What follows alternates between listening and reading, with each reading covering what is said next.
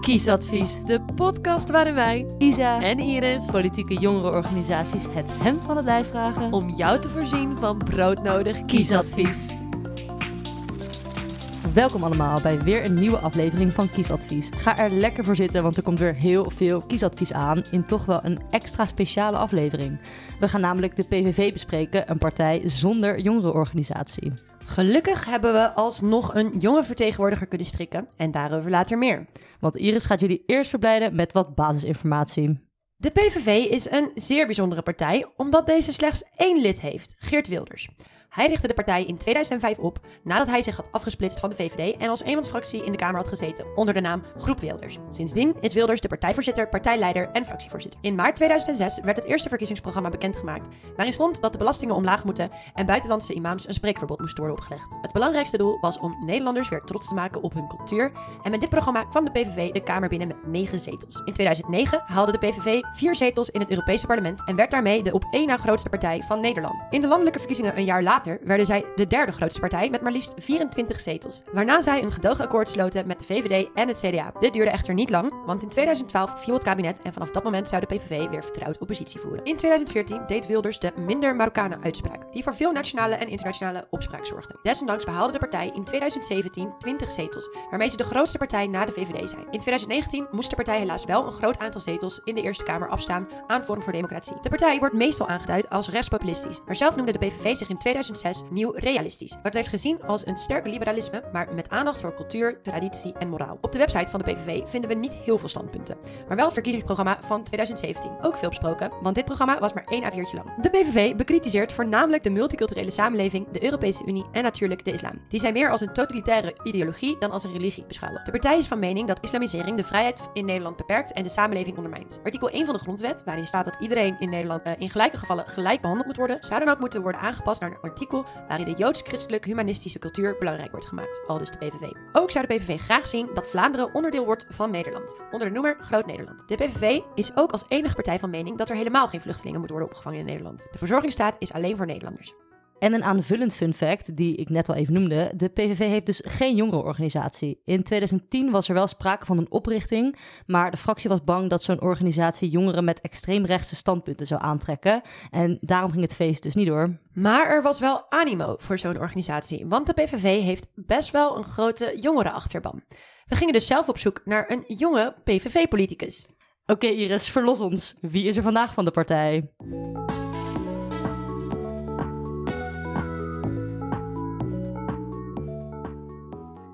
Voordat we onze gast introduceren, eerst een disclaimer uit de toekomst. Het verkiezingsprogramma van Geert Wilders kwam pas uit vlak na de opname van deze aflevering.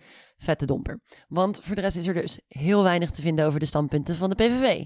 We verwijzen dus niet naar dit nieuwe verkiezingsprogramma in de aflevering zelf, maar we zullen aan het einde wel het een en ander aanvullen. Blijf dus vooral doorluisteren tot het eind en dan ga ik nu weer door met de aflevering, want jullie willen natuurlijk allemaal antwoord op de vraag wie is er vandaag van de partij.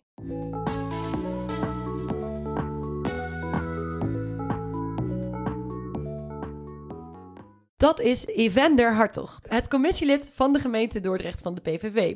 Op gepaste afstand bij ons aan de eettafel. Evander, welkom en fijn dat jij er bent. Uh, kun je jezelf even voorstellen aan onze luisteraars? Ja, ik ben dus Evander Hartog, 18 jaar en uh, ben commissielid voor de PVV in Dordrecht. Uh, dit doe ik in de commissie fysieke leefomgeving. Dat uh, houdt eigenlijk in dat ik me bezig ga met woningbouw, wegen en uh, ja. ja. Dat vind ik al best wel veel ja. om je mee bezig te houden. En hoe ben je, ja, hoe ben je daar terechtgekomen op zo'n jonge leeftijd? Bij de, ten eerste in de politiek en politiek actief meedoen in je gemeente, maar ook hoe ben je bij de PVV terechtgekomen? Ja, ik was dus eerst zeg maar anderhalf jaar jongerenraadslid. Dat is een onafhankelijke organisatie in Dordrecht die de gemeenteraad adviseert. En uh, vanaf daar ben ik eigenlijk een beetje gaan oriënteren van ja, welke partij past nou een beetje bij mij. En uh, toen uh, kwam ik bij de PVV uit. En ben je altijd al politiek geïnteresseerd geweest? Want je komt natuurlijk ook niet zomaar bij de jongerenraad terecht, denk ik. Dus dat, ja, dat komt, tenminste, ik heb nooit bij een jongerenraad gezeten. Nee, ik weet niet hoe het met jou zit. Nee, ik ook niet. Nee, dat is, niet iedere gemeente heeft in principe een jongerenraad. De meeste eigenlijk wel. Maar het komt wel steeds vaker voor dat er eentje is. Maar mijn politieke interesse kwam in één keer impulsief. Eigenlijk was het een hele impulsieve actie. En ik zeg tegen mijn moeder van joh, nou ja, zal er een jongere zijn. En uh, we moeten zeggen, ja, weet je niet, moet je het opzoeken. Dus ik ben het op gaan zoeken. Ik heb uh, ze gecontacteerd. En uh, vandaar is eigenlijk mijn politieke interesse gekomen. En, en hoe oud was je toen ongeveer? 16, denk ik. 16, joh. Nou, Misschien ben je wel de jongste gast die we tot nu toe aan tafel hebben gehad. Terwijl het dus niet eens een jongerenorganisatie is van de PVV. Nog een fun fact. Hey, eventjes, er zijn denk ik twee termen voorbij gekomen die niet iedereen zal begrijpen. Want jij bent een commissielid. Dat is weer net wat anders dan een gemeenteraadlid, toch? Kun je kort uitleggen wat dat inhoudt? Ja, een uh, commissielid die adviseert eigenlijk de gemeenteraad. Ja, je hebt drie verschillende commissies. Fysieke leefomgeving, sociaal en bestuur en middelen. Nou, ik zit dan in uh, fysieke leefomgeving. En uh, daarin bespreken wij dingen die dan, ja, dat als voorbeeld gaf, woningbouw te maken hebben. En daar komen dan de standpunten van de PVV uit. En ja, dat, dat advies gaat dan naar de gemeenteraad zodat de, de gemeenteraad makkelijker kan stemmen eigenlijk. Of makkelijker kan discussiëren, zou je het zo kunnen zeggen? Ja, eigenlijk wel, ja. Want uh, dan, uh, dat, dat kost eigenlijk de gemeenteraad heel veel discussie. Want uh, ja, dat doen wij eigenlijk al in die commissies. vond je dat ik de PVV een beetje goed heb samengevat net? Ja, ja zeker. Ik heb dingen gehoord die ik zelf ook nog niet eens wist. Dus ja. Kijk eens aan.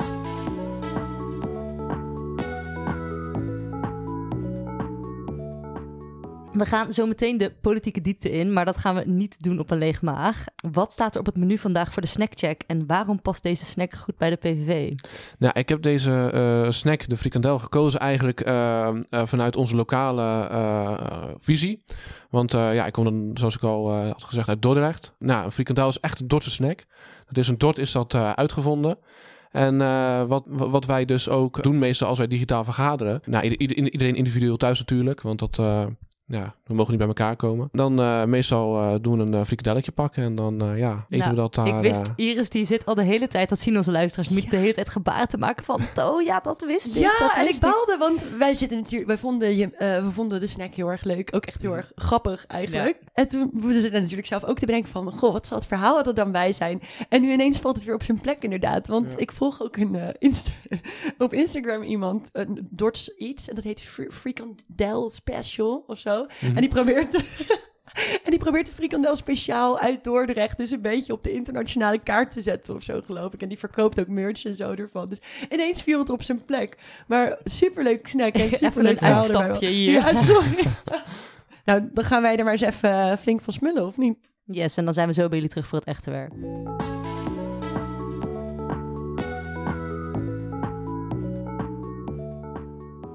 Ivender, we weten nu al wat meer over je prille politieke carrière binnen de PVV. Ehm, en we willen ook graag nog wat meer weten over je politieke kleur. Dus je mag kleur gaan bekennen. Hoe zou je jouw politieke kleur omschrijven en hoe past dat binnen de PVV? Nou ja, dat, dat, dat vind ik eigenlijk een lastige, want dat heb ik ook met mijn collega's moeten overleggen. Ja, en waar wij uiteindelijk zijn achtergekomen is eigenlijk een beetje vals spelen, want wij zijn eigenlijk een beetje drie kleuren tegelijk. Als je kijkt naar onze mail, uh, ja, die is rood, wit, blauw. De kleuren van onze Nederlandse vlag. En uh, ja, wij zien onszelf ook wel uh, zeg maar onder die, uh, die kleuren eigenlijk. Dus het nationalistische dan eigenlijk? Ja, ja, eigenlijk precies. wel. Ja. En hoe vertaalt zich dat in jouw standpunten? Wat vind jij dan persoonlijk zo belangrijk daaraan? Ja, ik vind de handhaving van de Nederlandse normen en waarden eigenlijk en onze cultuur heel erg belangrijk. En ik zie eigenlijk dat dat naarmate de jaren vordert eigenlijk, dat dat steeds meer verdwijnt. En ja, ik, ik wil me daar eigenlijk wel hard voor maken. Dus de mooie rood-wit-blauwe vlag als politieke kleur. Nou, dat mag hoor. Je mag meerdere kleuren. Dat hebben we veel vaker uh, langs ja, komen. Precies. Niet iedereen kiest één kleur uit. Dus dat is... Uh, is ook moeilijk. Vinden wij ook moeilijk. Wat is jouw lievelingskleur? Ja, dan ga je me vragen keuzes te maken. Roze. Ja, dat wist ik al.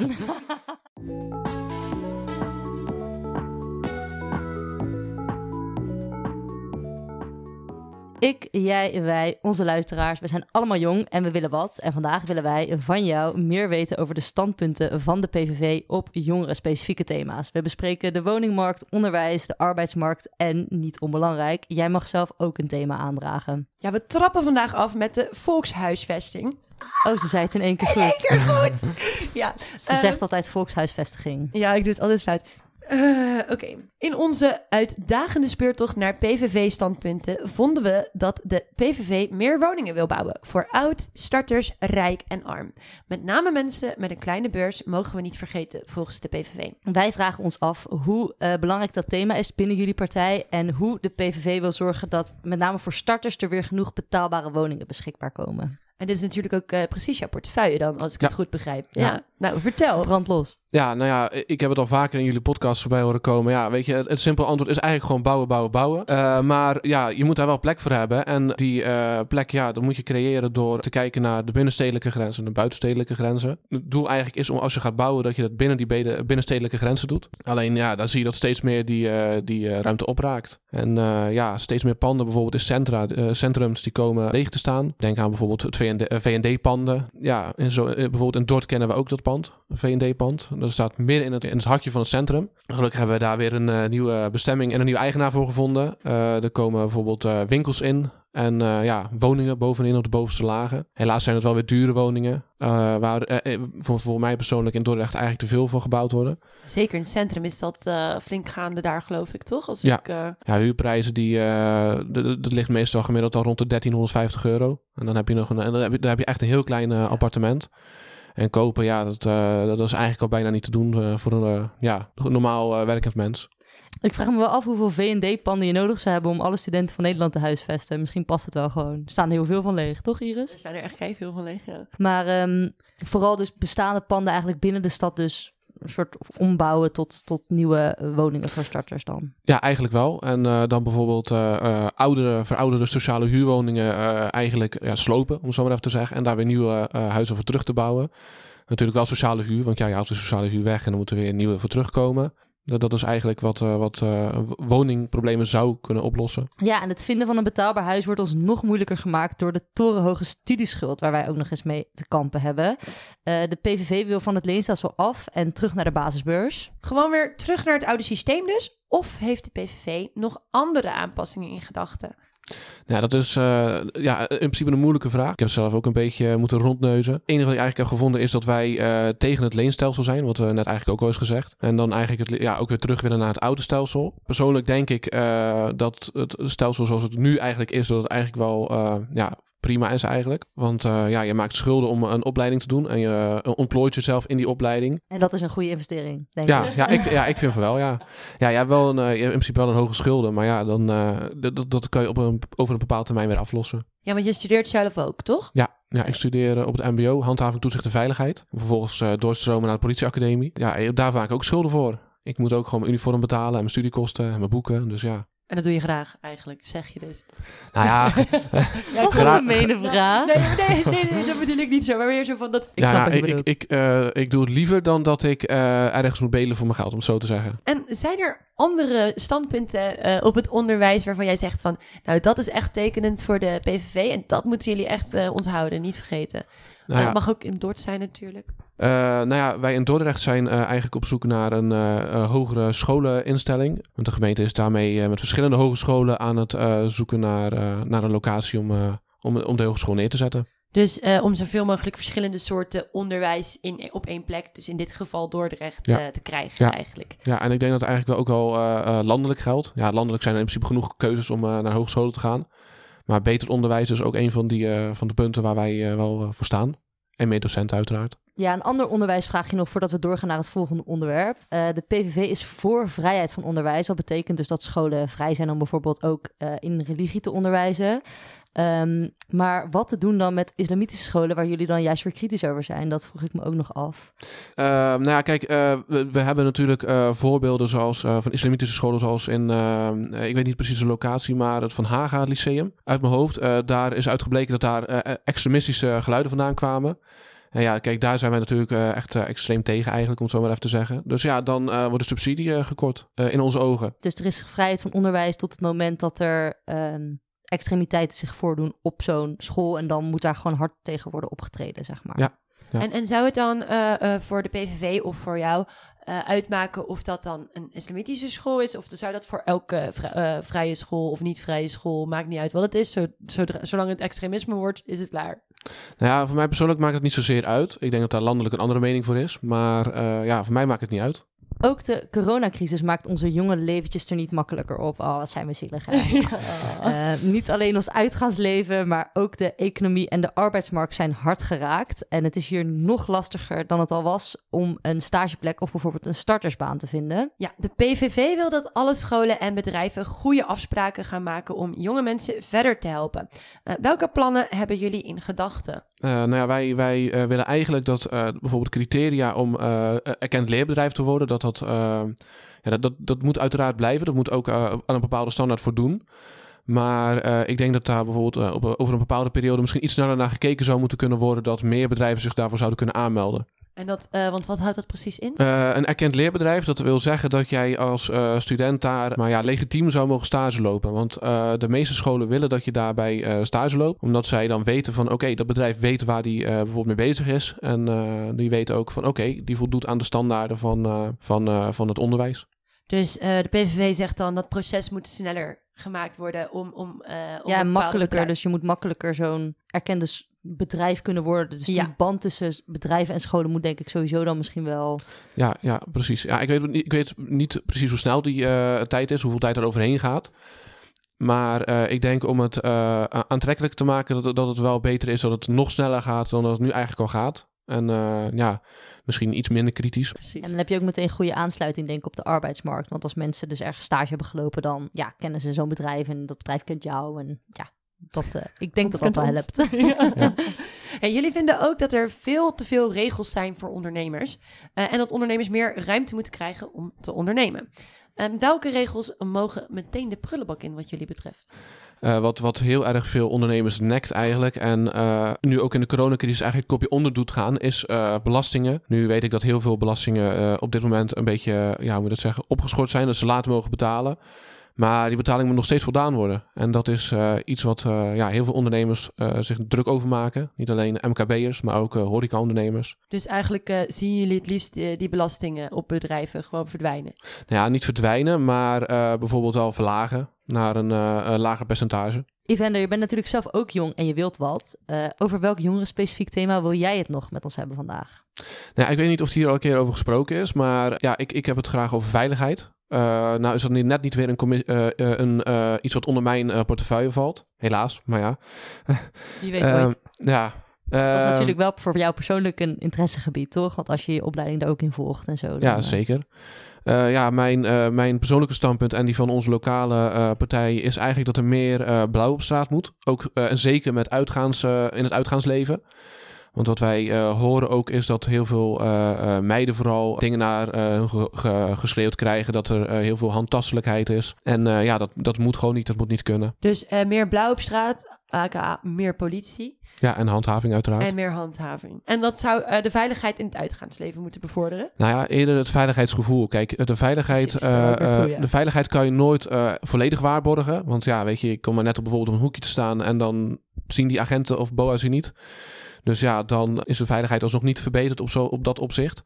Maar het veiligheidsgevoel, dat zou wel, uh, denk ik, verhogen. Wat ook een optie zou zijn, is bijvoorbeeld meer cameratoezicht. Maar ja, dan heb je weer het dingetje met privacy en dan dat is een heel lastig thema. Want er zijn best wel veel tekorten volgens mij binnen de politie, net als binnen andere publieke sectoren. Gewoon echt tekort aan mensen. Heb je zelf ideeën over hoe je dat, hoe je dat misschien zo'n opleiding aantrekkelijker zou kunnen maken? of hoe je kan zorgen dat, dat, er meer mensen bij de politie komen werken? Moet er meer geld naartoe? Hoe, hoe zie je dat voor je? Ja, kijk, bij de politie ze hebben 17.000 medewerkers tekort. Ja, dat is een heel groot aantal en dat vul je niet zomaar in één keer op. De opleiding is, wel, is op dit moment verkort van uh, eh, 2,5 jaar uit mijn hoofd naar 2 jaar. Dus ja, dat is alweer voor mij sowieso een, uh, een aantrekkelijke punt om er naartoe te gaan. Maar wat het ook aantrekkelijker zou maken is een beter salaris. Want ja, je, uh, je, je brengt eigenlijk op bepaalde momenten je eigen, jezelf in gevaar om te zorgen voor andermans veiligheid. En ja, dat zien wij, zie ik persoonlijk niet, niet terug in salaris.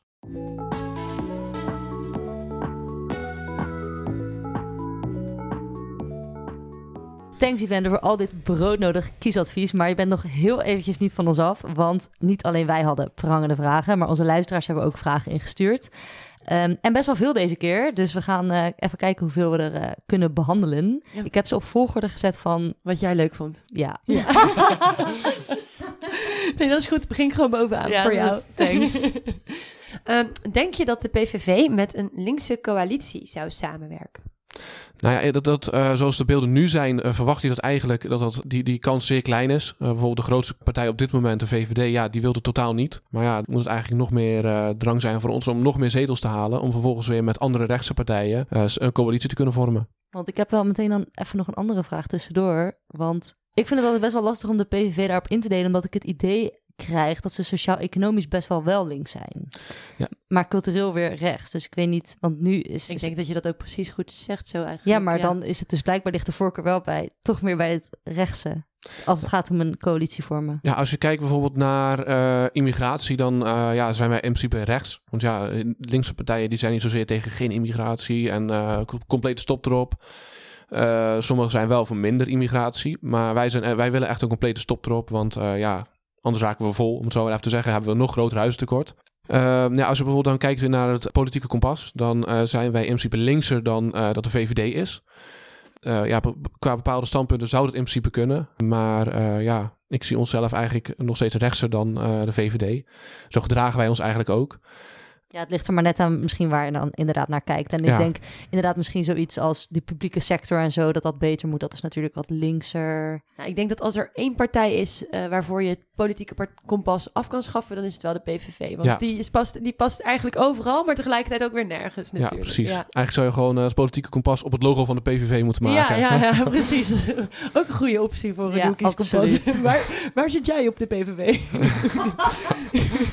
Oké, okay, volgende vraag. Um, wat vindt de jonge achterban van de minder Marokkanen uitspraak van Wilders? Ja, heel eerlijk gezegd, het is geen slimme uitspraak. Uh, maar om dan vervolgens zes jaar uh, berecht te worden, ja, dat is, dat is ook weer overdreven. Hij had het misschien niet moeten zeggen. Persoonlijk sta ik achter hetzelfde standpunt als Wilders uh, staat. In principe stelde hij gewoon een vraag. En ja, dat is, voor sommige mensen kan het kwetsend overkomen. Alleen ja, weet je, ik vind het eigenlijk dat er te veel, ja, moet ik zeggen, te, te opgeblazen is door uh, de meeste mensen. Het is gewoon politiek inderdaad onhandig, volgens jou gezegd misschien, maar ja, ja, qua, qua, wat hij ermee wilde bereiken is wel gewoon, uh, ja, daar sta je gewoon achter. Ja, politiek gezien is het in principe een onhandige uitspraak. Uh, en ja, ja, zelf sta ik wel achter wat hij, wat hij vroeg, ja. Nou, volgende. Uh, hoe ziet je toekomst binnen de politiek slash binnen de PVV eruit? Ja, dat is een, dat is een goede vraag ja, ik, ik wil niet uh, te hard van stapel lopen persoonlijk. Ik uh, ben nu uh, eigenlijk bezig met mijn gemeentelijke carrière, om het zo maar even te zeggen. En ik verwacht daar ook wel even een tijdje te blijven hangen. Maar ik zou het persoonlijk zelf langzaam willen opbouwen. En dan uiteindelijk ja, hopelijk, als Geert er nog zit, uiteraard naast Geert te komen zitten. Geert heeft ook een opvolger nodig ooit, hè, denk ja. ik. Tenminste, ik weet niet of hij dit ja, leven zal, wil gaan ik doen. Zal niet, uh, ik zal niet weten of ik uh, die opvolger word, maar uh, ja. Dan kunnen wij wel zeggen dat we met de opvolger van Geert Wilders aan tafel hebben gezeten. Ja, ja dat is waar. en sowieso met een zeer ambitieuze jongen in dit geval. Dat ook, zo ook heel erg leuk. En je bent er vroeg bij, hè? Dus je hebt heel veel, daar hadden we het net wel even over. Heel veel tijd om je helemaal politiek te ontwikkelen. Tot die leercurve komt wel goed, inderdaad. precies. En dan hebben we nog drie vragen die ik tussen haakjes heb gezet, maar ik denk dat we ze wel gewoon gaan doen, want we hebben nog wel tijd. Oh, nou, eerst even een beetje in de lucht dan. Um, zijn je politieke bezigheden goed te combineren met je werk en studie? Die wilde ik ook kiezen, dus het komt goed uit. ja, op zich, het valt wel, uh, valt wel te combineren. Alleen, uh, ja, soms gaat het een beetje lastig met, uh, met buitenschoolse activiteiten. Misschien weten de meeste studenten dat wel. MBO's, ja, die kunnen meestal impulsief zijn met bepaalde dingen en communiceren niet altijd even goed zoals ze e-, zouden moeten communiceren ja, dat is soms wel een beetje uh, tricky, maar uh, over het algemeen valt het wel uh, te combineren. En qua tijd valt het ook wel te doen, hè? Daar hebben we net al, ja, dat staat niet in deze aflevering, hebben we het net even over gehad. Was jij erbij, Iris? Nee. Het is ongeveer 12 uur per week werk. Ja, klopt. Ja. ja. Ja, kan e-, ene keer is het wat langer als je bijvoorbeeld een, uh, een, belangrijke vergadering hebt. Afgelopen tijd, of afgelopen tijd, afgelopen maand of zo was natuurlijk de, begrotings, uh, de begrotingsperiode. Dus ja, ja klopt. Precies. lange vergaderingen ook ja. altijd, kan ik me herinneren. De begrotingsvergaderingen zijn inderdaad heel erg belangrijk. Want ja, dan komt er ook weer uh, te sprake van woningen, arbeid, onderwijs, cultuur en dat soort dingen. Ja, dan ook een heel klein stukje immigratie. Maar ja, daar, daar, daar haken wij dan weer niet op in. Want dat is dan weer voor ons te kleinschalig om daar uh, ja, te, hard, te, hard, op te pushen zoals de landelijke partij zeg maar doet. Maar goed te doen dus, combineren werk en studie. Dat is fijn. Ja. Uh, even kijken. Uh, dit was een wat moeilijkere vraag. Ik, misschien dat jij hem wel kan specificeren, maar ik vind hem wel interessant. Uh, want hoe zou je jullie standpunten onderscheiden van racisme? Nou, hoe, wij, uh, hoe wij onze standpunten eigenlijk kunnen afscheiden van racisme is eigenlijk... Voor, de, ja, voor ons als partij is het, zien wij het niet als racisme. Er zijn natuurlijk wel in principe streng rechtse standpunten. Bijvoorbeeld immigratie en wat betreft de islam zijn het wel streng rechtse standpunten. Uh, en ja, mensen kunnen dat racistisch opvatten. Dat, is, uh, hoe, dat ligt aan iedereen persoonlijk hoe je dat opvat. Maar wij zien het niet echt als racisme. Want wij zeggen bijvoorbeeld qua immigratie niet uh, van uh, wij willen alleen moslim-immigratie niet toelaten. Want wij, wij trekken heel veel dingen. Trekken wij eigenlijk over één kam, om het zo maar even te zeggen. En ja, wij, wij lokaal hebben bijvoorbeeld ook weer een, een standpunt van qua moskeeën, zeg maar. Wat landelijk bijvoorbeeld is dat de partij wil dat alle moskeeën weggaan. Willen wij bijvoorbeeld in Dordrecht dat we er geen nieuwe meer bij krijgen. Want wat wij bijvoorbeeld daar hebben gemerkt is uh, dat daar heel veel illegaal geld bij komt kijken van uh, islamitische landen, zoals bijvoorbeeld Saudi-Arabië. Ja, dus het verschilt sowieso regionaal, verschilt het van landelijk uh, met die punten. En dan gaat het vooral inderdaad om algehele immigratie stoppen. Dus daar, daar maak je natuurlijk geen onderscheid tussen verschillende groepen, zeg maar. Um, dus op die manier kun je dat onderscheid dan maken. Ja. Goed samengevat. Thanks. Ja. um, nog een wat uh, luchtigere vraag. Nou, tenminste, misschien een beetje een, ja, een wat vraag over de grote dingen. Een middenvraag. Um, hoe zou je de, de middenvraag, nee, dat bedoel ik niet. Hoe zou je de toekomst vormgeven voor toekomstige generaties? Dus even een utopia, een ideale wereld. Ja, dat is, uh, dat is heel lastig. Ik kan uiteindelijk niet naar de toekomst kijken. En ik kan ook niet kijken wat uh, de toekomstige generaties willen. Maar als ik het naar mezelf zou schetsen, denk ik dat het een uh, Nederland is waar wij geen beperkingen hebben. Waar wij uh, in principe gewoon zouden kunnen leven. Wel volgens de Nederlandse normen en waarden uiteraard. Zoals wij die uh, vroeger al kenden. Voordat we gewoon Sinterklaas kunnen vieren met traditioneel Zwarte Piet. En ja, dat wij in principe gewoon leven zonder problemen, om het zo maar even te zeggen. Ik denk dat iedereen het wel wilt. En in alle vrijheid, de Partij ja. van de Vrijheid natuurlijk, ja. dat is belangrijk. Nou, een laatste beladen vraag dan, toch? Nou ja, ik weet niet of die beladen was, want ik begreep hem niet. Maar Iris begreep hem wel, dus die gaat hem even toelichten. Uh, ja, nou, de PVV die staat hier uh, onbekend om Israël te steunen. Uh, en de vraag luidde, waarom de PVV... Ja, waarom komt de PVV op voor Joden, maar werken ze wel samen met een Vlaams Belang, een partij die heel erg tegen het Jodendom is? Dat is een hele goeie. Ja, je mag het zeggen als je geen idee hebt. Ga je mezelf even vragen? Ik wist dus niet wat Vlaams Belang was, maar dat is dus blijkbaar een Belgische partij die... Dus, ja, dat is uh... ook een, een, een, een vrij rechts... Uh, ik weet niet precies hoe rechts hoor, want ik verdiep me niet... Nee, ik, ik, denk, ik denk persoonlijk dat het Vlaams Belang iets rechter, uh, nou, iets rechtser, veel rechter is dan wij dat zijn. maar ja, misschien zit ik daar totaal naast hoor. Ik, ik ken de partij zelf ook niet. Nou ja, ik weet niet waarom hun tegen Joden zijn en ik weet persoonlijk ook niet waarom wij voor Joden zijn. Uh, ja, dat is een uh, persoonlijk iets misschien van Wilders, maar ja, dat, ik, zal, ik zal het antwoord hier eigenlijk hier niet op weten. Ja, we sturen hem wel een appje dan. Nee, grapje. Wie? Nee, Wilders. Oh ja, sorry. um, ja, dat was hem dan. Ja, van, dat was van hem. luisteraarsvragen. Hele rits aan luisteraarsvragen, maar ja, dat is ook wel eens leuk hè. Bedankt voor je antwoorden in ieder geval vast. En um, jullie bedankt voor alle vragen. Ja, inderdaad, luisteraars. Thanks.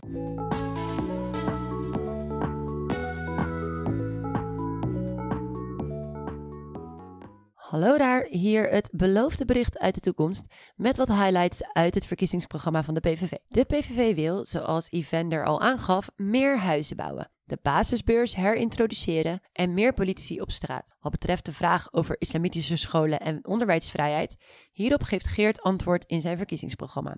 Hij is voor behoud van artikel 23, de vrijheid van bijzonder onderwijs, maar wil stoppen met islamitisch onderwijs omdat dat onze vrijheid en onze waarden bedreigt.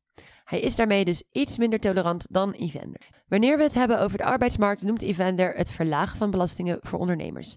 Dit wordt niet genoemd in het verkiezingsprogramma van de PVV, maar wat wel wordt genoemd is dat er meer steun moet komen voor ondernemers die worden geraakt door de coronacrisis. Bij 100% sluiting moet 100% vergoeding komen voor de kosten. Daarnaast noemt Evander terecht, want dat stond ook op de Wikipedia-pagina, een algehele stop van immigratie. Maar Geert spreekt van een restrictief immigratiebeleid en een stop op immigratie uit islamitische landen. Dat was hem dan en meer kunnen jullie verwachten in de bonusaflevering over de verkiezingsprogramma's.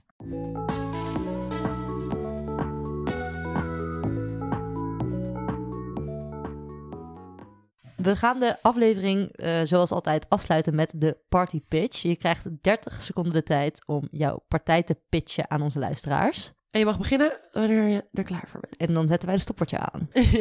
de stopper die ik niet heb. Is check er tijd daar. Ik kan het zien op mijn audioprogramma. Als jij staat voor de Nederlandse normen en waarden, een uh, democratie waar landelijk beleid bepaald wordt door burgers, onder andere bijvoorbeeld door een bindend referendum, En de grondrechten en de, onder andere eh, vrijheid van meningsuiting en van persvrijheid uh, daarachter staat. Stem dan op de PVV. Stem dan Nederland weer terug voor ons, zoals Wilders dat zal zeggen. Maar uh, persoonlijk heb ik daaraan toegevoegd van stem vooral waar je zelf op wilt stemmen. Kijk eens. Oh, dat, ah, heb, dat heeft nog niemand ooit in zijn pitch gezegd. Ja, inderdaad. Nou, ik, ik denk dat dat een persoonlijk uh, iets voor mij is. Kijk, weet je, ik, ik kan uh, het heel, zeg maar, partijgebonden doen. Wat heel veel partijen eigenlijk doen. Maar het is vooral belangrijk dat je stemt wat je zelf wilt stemmen. En als dat de PVV is, dan is het uiteraard heel goed voor ons, om het zo maar even te zeggen. Maar als jij uh, GroenLinks, uh, Denk, uh, VVD, GroenLinks, heb ik al gezegd volgens mij. Nou, in ieder geval, als je elke andere partij op wil stemmen, ja, dan is dat aan jezelf. Nou, perfecte gast voor onze podcast. Ja, helemaal goed. nee, hartstikke bedankt. En het bindend referendum, die was ik vergeten in mijn samenvatting. Maar dat is best wel belangrijk natuurlijk. Ja, ja wij vinden dat heel erg belangrijk als partij. Want wij vinden het belangrijk dat het volk kan kiezen wat er gebeurt in het land. En normaal vragen we nu eigenlijk altijd hoe we lid kunnen worden van de politieke jongerenorganisatie, maar die is er natuurlijk niet. En we kunnen ook niet lid worden van de PVV nee, natuurlijk. je kunt ook niet lid worden van de PVV, want dat zei Iris net al in de samenvatting. De PVV heeft dus als enige lid Geert Wilders. Ja, ons Geert. ons Geert, inderdaad. Maar uh, uh, mochten er nou toch jongeren zijn die zeggen... ik ben zo enthousiast, ik wil uh, wat meer betrokken zijn. Wat zouden ze dan moeten doen? Nou, dan zal ik ze adviseren om te kijken of er een PVV-fractie is in hun gemeente. Uh, en uh, daar uh, contact mee op te nemen. En er staat, dus 9 van 10 keer hebben ze een website en daar staat dan een mailadres.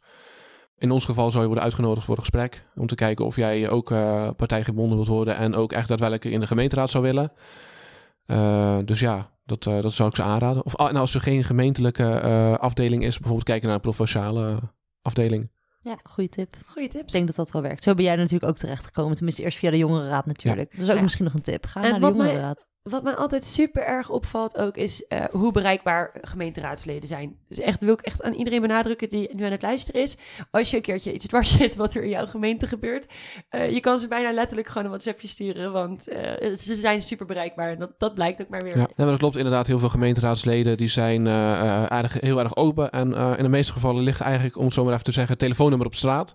Precies. Dus je kan, je kan ze zo vinden en contact met ze opnemen. Bedankt voor het gesprek. We hebben weer genoten. En lieve luisteraars. Jullie hartstikke bedankt voor het luisteren. Heb jij prangende vragen voor één of voor alle partijen? Of voor ons? Stuur ons dan een mailtje naar kiesadvies.outlook.com. Of slide in onze DM op Instagram, kiesadvies, de podcast. Vergeet ons vooral ook niet te volgen en ons reviews en sterren te geven. En neem een kijkje op onze nieuwe website www.kiesadviesdepodcast.com.